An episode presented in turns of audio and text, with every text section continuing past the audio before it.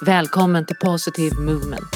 Hundpodden för alla hundälskare och yrkesverksamma inom hundbranschen som vill öka kunskapen och förståelsen om hundens rörelseapparat, träning, friskvård och rehab. Det här avsnittet ska få handla om artros. Eh, för att artros är så himla vanligt och det är nog den vanligaste diagnosen som jag har jobbat med på mina hundpatienter. Det drabbar hundarna på massa olika sätt. Eh, men vi behöver få en bättre kunskap och du som hundägare eh, behöver förstå bättre vad du kan göra för att hjälpa din hund. Och vi som hundfysioterapeuter kan alltid få inspiration och tips och råd av varandra på hur vi kan påverka hundarnas tillstånd och jobba med dem positivt. Eh, för att artrossituationen ska lindras. Eh, min personliga artrosresa började 2009, det var inte jag personligen, men då fick jag erbjudandet om att sitta med i patientföreningen Hundartros. Den här föreningen finns inte längre, den lades ner för några år sedan.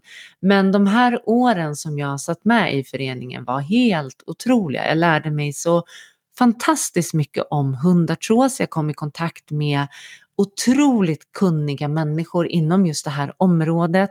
De övriga styrelsemedlemmarna var experter på sina sätt. Eh, en, en, jag är så tacksam för de åren jag fick i patientföreningen Hundartros. Som sagt, det har varit en eh, diagnos som jag har jobbat med allra, allra mest eh, och som jag fortsätter att stöta på dagligen. Så jag tänker att vi ska lära oss mer, vi ska förstå mer, vi ska bli bättre på att eh, behandla våra hundar och ge dem en bättre vård i vardagen. Och då kommer deras artrossituation att lindras och bli lite bättre. Eh, för artros är verkligen en diagnos man kan leva med. Och ofta upplever jag att när man har varit hos veterinär, man har gått dit, hunden verkar ha ont, man är orolig och stressad och så kommer man dit och det ges eh, massa mediciner och man får röntgen och det är massa ord. Eh, och sen kommer man därifrån och kanske har fått en broschyr i handen eller ett recept och inser egentligen inte vad, vad var det som hände eller vad, vad betyder det här för oss och kommer min hund att dö nu? Är den sjuk? Har den ont? Hur dåligt mår den?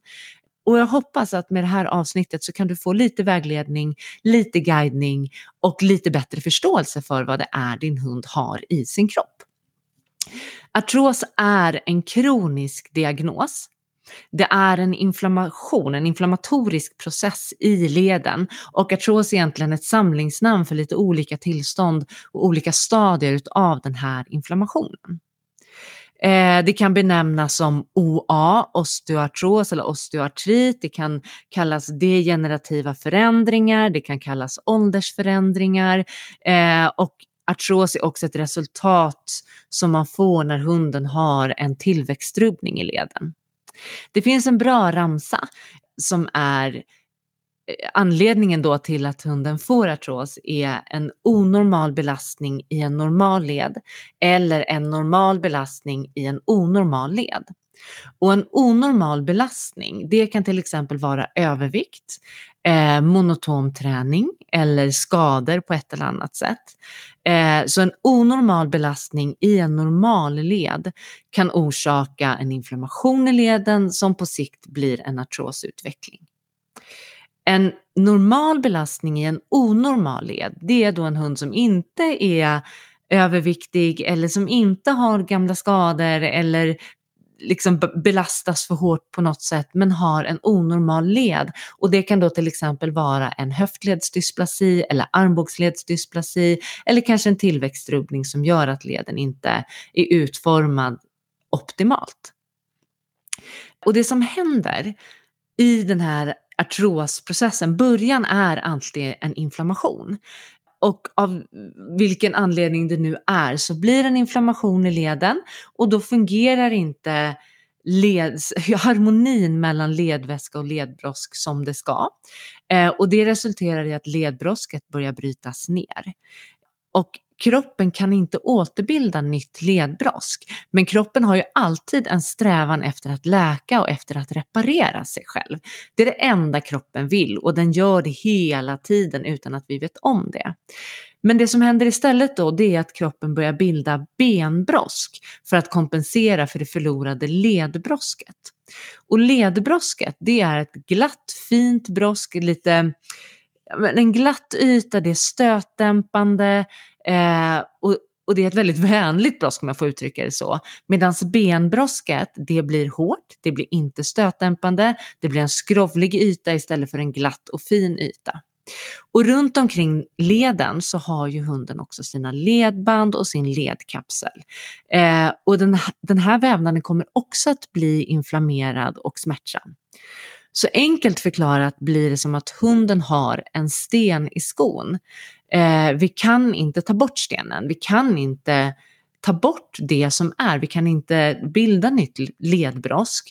Men däremot så kan vi lätta lite på snörningen, skapa lite mer utrymme i skon och på så vis lindra besvären en aning. Du behöver också ha en regelbunden dialog med din veterinär för att se till så att din hund har optimal smärtlindring. För vi vill inte att hundarna ska gå runt och ha ont i onödan, för har de det så kommer också tillståndet att förvärras. Så vem är det då som får artros? Och det är tyvärr alla hundar. Eller alla hundar kan få artros ska jag säga.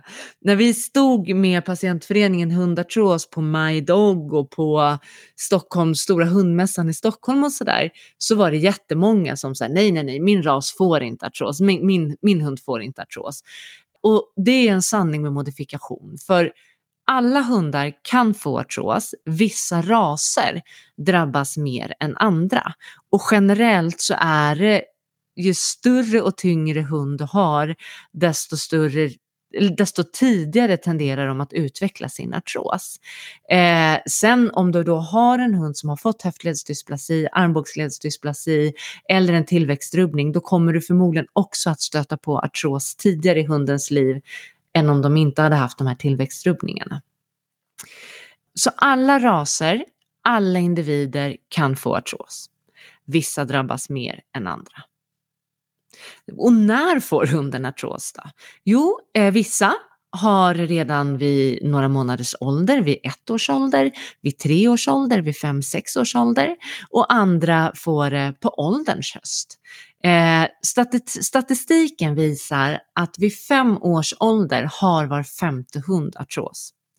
Och sen ju äldre de blir, desto fler blir det ju. Eh, och det, nu ska jag vara lite kaxig och sticka ut hakan lite här, men jag tänker att det finns ett ansvar eh, inom aven. Eh, om man tittar på de här raserna som drabbas lätt av artros och kanske väldigt tidigt. Vi har ju väldigt bråttom när vi avlar och börjar avla på våra individer och vid 3-4 års ålder har de kanske hunnit med tre kullar. Och sen när man röntgar armbågarna då igen vid fyra eller fem års ålder så har hunden utvecklat en artros. Men den hade kanske A på, eller nollor på sina armbågar eller A på sina höfter vid den röntgen som man gör när de är ett, ett och ett halvt år. Så det har gått rätt till, inga konstigheter så. Men vi har så bråttom så vi hinner inte se.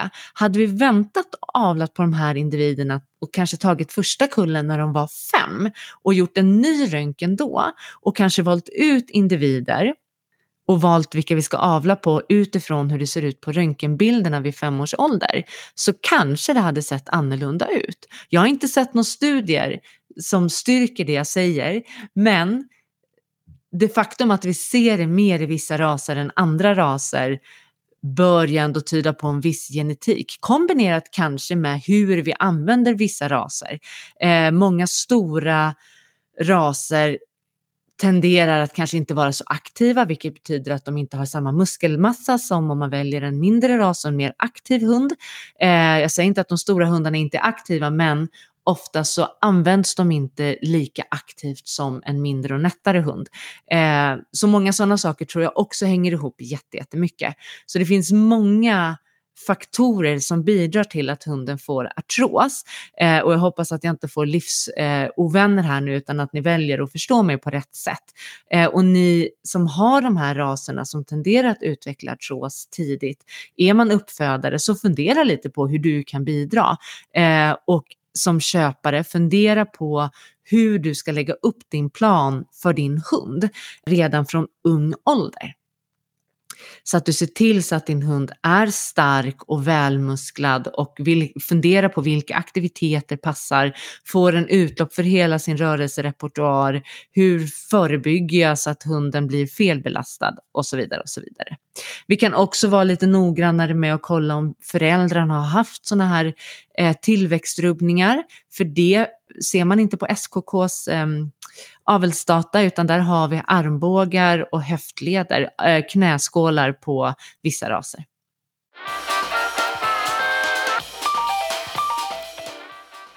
Stort tack till våra sponsorer Svenska Fysioterapiskolan och Petli App.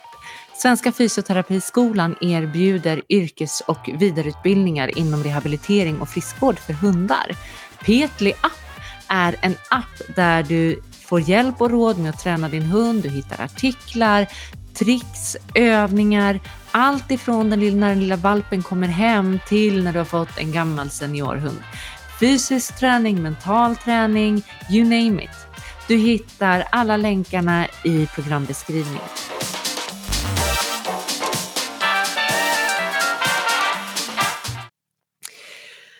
Vad innebär då artros hos hunden? Varför är detta dåligt? 1. Det innebär smärta. Det innebär ett tillstånd av kronisk värk eller smärta. Eh, och det är ju dåligt. Dels så är det dåligt för att det gör ont och det är ett lidande för hunden. Men eh, det är också att smärta i sig triggar stressprocesser hos hunden. Eh, smärta i sig bidrar till nedstämdhet. Smärta i sig bidrar till aggressivitet och andra beteende mm, som vi inte uppskattar och tycker är speciellt roligt. Eh, och sen blir det en negativ spiral i hundens kropp. Så när den går och har ont i en led, då kommer den försöka att inte använda den leden och att skydda den leden så mycket det går. Så den kommer att gå på ett speciellt sätt för att ha så lite rörelse som möjligt i leden samtidigt som den spänner sina muskler kring leden för att skydda leden från rörelse. Det här kommer innebära att muskulaturen kring leden och det benet där leden gör ont kommer att minska i omfång och bli mer spänd. Musklerna i de andra benen kommer att bli mer spända och lederna i de andra benen kommer att belastas på ett sätt som det inte var tänkt. Det betyder onormal belastning i en normal led.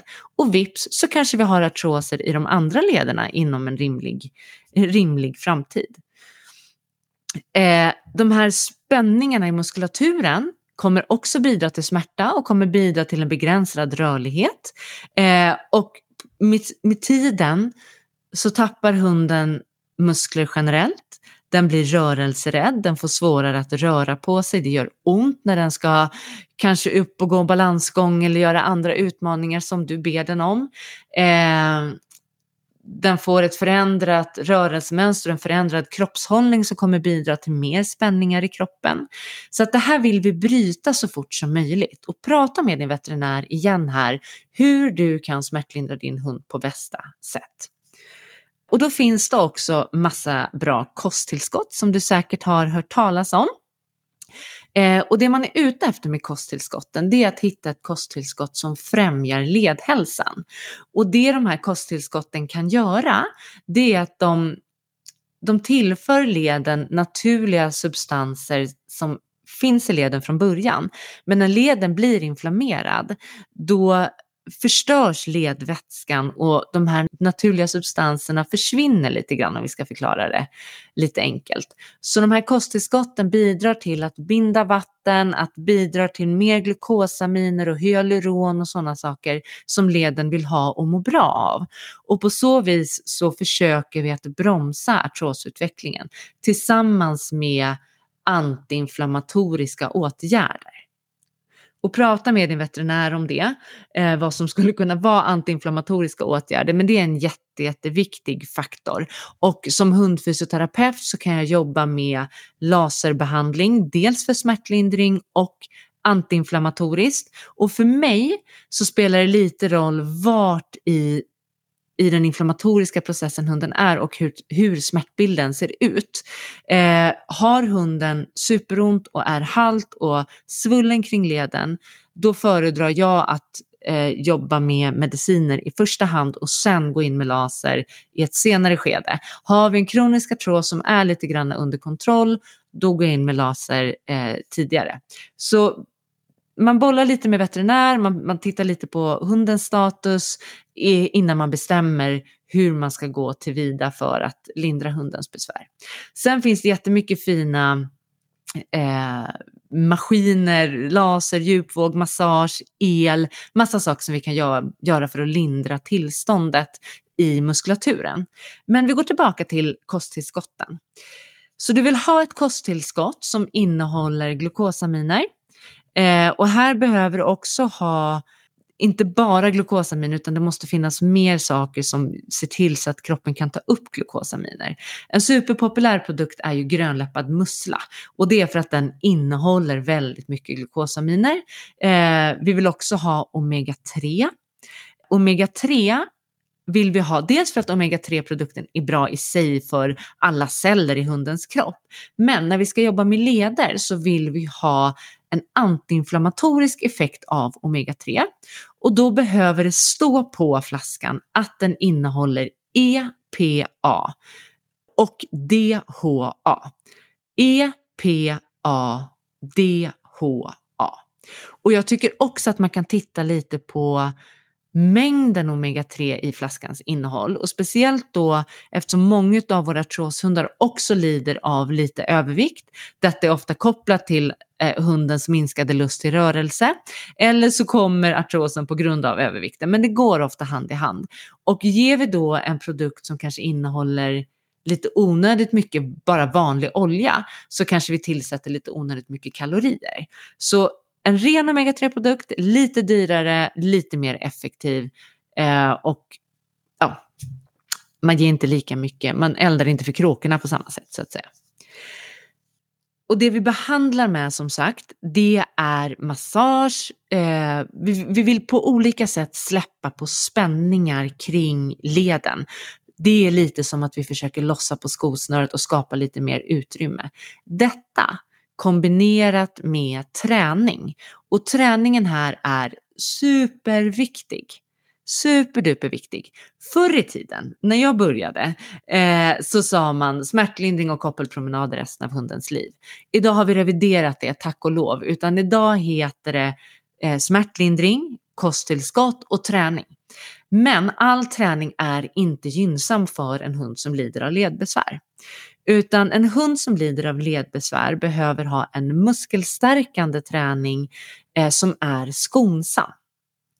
Så har man möjlighet så tar man sin hund till ett hundsim eller en vattentrask eller någonstans där hunden kan få hjälp i vatten. Och här behöver vi också, då kanske du tänker så här, men jag har en sjö här hemma och det är bra. Men du behöver ha en temperatur som överstiger 22 grader. 22 grader för att det ska ha en gynnsam effekt på hundens leder. Annars är det för kallt och då ser vi, i alla fall jag, ser på mina patienter att det blir inte lika bra. Eh, det blir mer muskelspänningar, det går mer energi åt att hålla värmen och hunden spänner sig mer än att den kan röra sig fritt och ta ut sina rörelser. Och det man har sett i studier på just hundsim, det är att vi får ett ökat ledutslag. Så att hunden tränar sig att öka rörligheten i sina leder och det är superviktigt för de här artrostillstånden, att inte lederna eh, rostar ihop, om man säger så. Så försök sörja för att hitta någonstans där du kan träna i varmt upp, eller varmt, det ska inte vara 37 grader, men i en bassäng eller vattentrask där man har runt 25 grader. Um, har du en Newfoundland kanske inte det är lika viktigt med 25 grader, men det ska vara ljummet varmt vatten till hunden. Uh, Också att gå ute i terrängen där hunden får lyfta på benen är bättre träning än att springa på en hård grusväg där det blir stumt och studsigt åt hunden. Så tänk lyfta ben istället för att hoppa och studsa.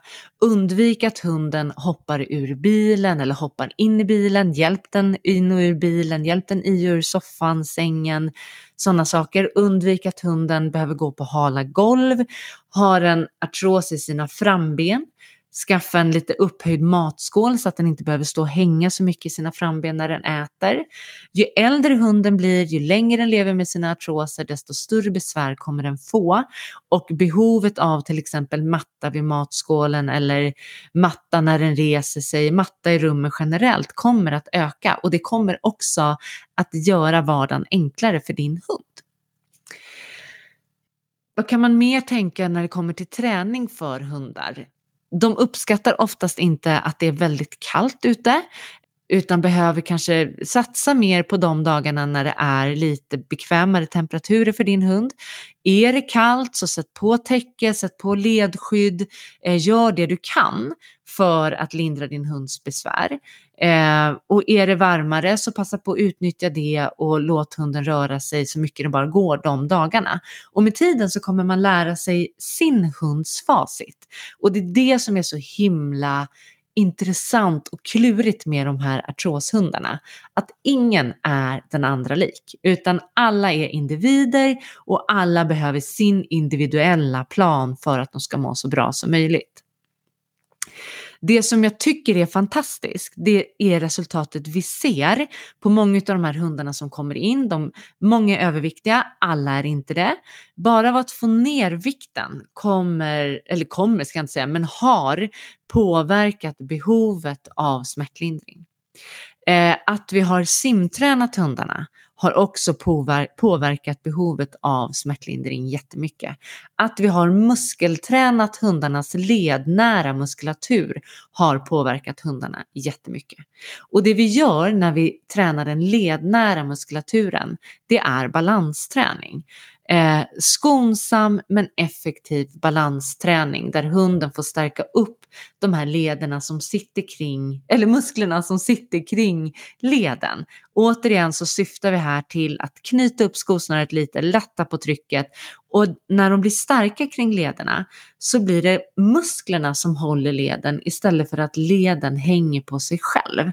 Vi får upp lite mer utrymme i ledspalten. Så sammanfattningsvis här för dig nu då är att försöka i möjligaste mån vattenträna din hund, framförallt på det kalla vinterhalvåret. Gå där hunden får lyfta på sina ben och använda sina muskler. Jobba med balans för att stärka den lednära muskulaturen.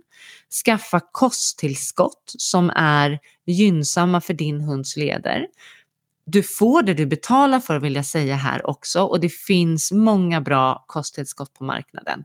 Eh, du vill ha ett kosttillskott som innehåller glukosaminer, hyaluronsyra, MSM kan ha en bra effekt ibland, nyponpulver kan också ha en bra effekt ibland. Kika lite på vilken produkt du köper, googla runt lite vad, vad folk rekommenderar.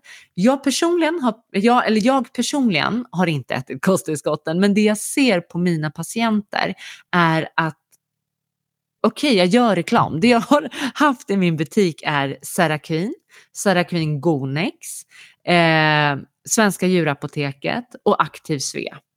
Eh, och det jag ser är att det spelar ingen roll vilken produkt de har ätit. Det jag ser är de facto att de äter gör skillnad. Sen vilken de har valt har inte haft någon större betydelse. Det finns också vissa hundar som svarar väldigt bra på bara rent nyponpulver. Men då missar man liksom att eh, att ge de här ämnena som leden vill ha. Det nyponpulvret gör det är att det innehåller väldigt mycket antioxidanter så det kan hjälpa till att hämma inflammationen eh, kring leden och i kroppen. Men det smörjer inte upp lederna på samma sätt som ett ledtillskott gör. Mm. Så jag hoppas att detta har gett dig lite större förståelse för hundartros och vad du kan göra med det. Eh, att du faktiskt vågar vara ute och röra mer på din hund. Är det så att din hund inte har rört sig speciellt mycket på sistone för att den har haft för ont, så börja långsamt. Många korta promenader. Börja med fem minuters promenader med flera gånger om dagen och så ökar du med fem minuter i veckan. Är det så att ni är på 15 minuters promenader idag så öka med fem minuter i veckan. Gå så många promenader per dag du hinner och gå där det är lite högt gräs, eh, lite ute i blåbärsriset, gå på mjuka underlag i skogen och så går du av stigen lite grann så att hunden får lyfta lite på benen. Och min ambition med alla mina artrospatienter det är att de ska kunna springa löst. De ska kunna ha ett fritt hundliv. Självklart att man inte får ha hunden lös och yada yada och uppsikt och allt det där, men det har ni koll på. Det är inte det jag menar. Jag menar bara att de ska kunna röra sig fritt och gå, alltså kunna gå på en helt vanlig hundpromenad där man får vara lite lös i skogen, bära på en pinne, komma på en inkallning, hänga med sin hundkompis. Jag tänker att det inte är för mycket begärt. Och då med hjälp av att träna hunden på rätt sätt, hitta vad som funkar bäst för din hund och vad som inte funkar.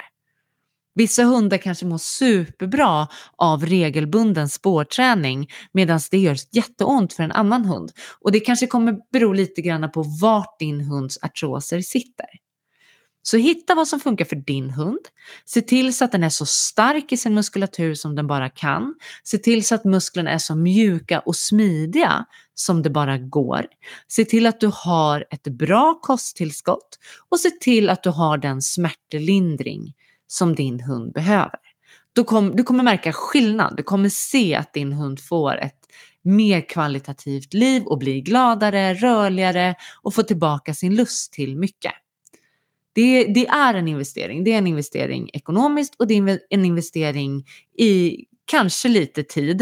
Eh, men för mig i alla fall, som jobbar med det här och som eh, är lite yrkesskadad och hundnörd och så vidare, så är ju det värt det. Det är värt varenda minut och varenda krona och det är så fantastiskt härligt att se hur många av våra patienter faktiskt kan följa med på en fjälltur igen eller faktiskt kan hänga med på de här lite längre eh, eh, äventyren igen. Absolut så kan det vara så att man behöver jobba med lite antiinflammatorisk medicin och smärtlindring i förebyggande syfte under fjällturen och lite efter, men den kunde följa med, vilket den inte kunde innan rehaben började till exempel. Det som jag också tycker är så himla intressant med många av mina patienter är när jag har hittat vad som funkar för dem och när vi har liksom nått max på något vis vad de mår bra utav. Om jag förändrar, om jag försöker lägga på en minut till eller om jag tar fram något annat nytt balansredskap och försöker köra det så blir de sämre. Och självklart, ett nytt balansredskap kräver liksom tillvänjning och adaption, men trots att vi har gett utrymme för det så blir de sämre. Och när jag då går tillbaka till där vi har varit, det som har funkat innan, så mår de mycket, mycket bättre igen. Och varför det är så? I don't know, det kanske bara är för mig det har varit så. Jag vet inte, men det är väldigt, väldigt intressant. Vissa hundar mår jättebra när det är varmt och sommarhalvår och andra hundar mår mycket bättre på vintern. Jag har hundägare som har lärt sig att ja, men när det, nu blir det ju inte 22 minus i hela Sverige, men för oss blir det det. Och när det blir 22 minus på natten, då vet Matte det och då vet hon att hunden kommer må dåligt. Så då har hon behandlat hunden i förebyggande syfte. Eh, om hon ser att okej, okay, nu, nu går vi in i en kall vecka, då får hunden äta medicin under den här veckan. Och det har funkat för dem. Eh, andra har hundar som mår dåligt när det är surt väder, när det är blåsigt och regnigt och har fått vidta åtgärder när de ser att det är sånt väder på väg in. Och ambitionen är ju någonstans att hålla inflammationerna nere, att smärtlindra hunden så mycket som möjligt och samtidigt ge så lite, så låg dos medicin som möjligt. Men prata med din veterinär och idag finns det jättefina preparat för smärtlindring och andra, andra sätt att lindra för din artroshund. Ehm, så hitta en veterinär du gillar som är med på banan och som du kan ha en bra dialog med och som din hund gillar. Det är också viktigt att hunden, för den kommer ändå kanske behöva gå till veterinären lite oftare från och med att man har fått sin diagnos. Ehm, man behöver också ta prover för att kolla att de mår bra på medicinerna och sådär. Så hitta en veterinär som din hund trivs med. Har du några frågor, hör av dig. Eh, det går bra att boka en telefonkonsultation om man verkligen vill prata om sin hund. Eh, och så hoppas jag att ditt inte ditt liv, men ditt liv tillsammans med din artroshund blir bättre från och med nu.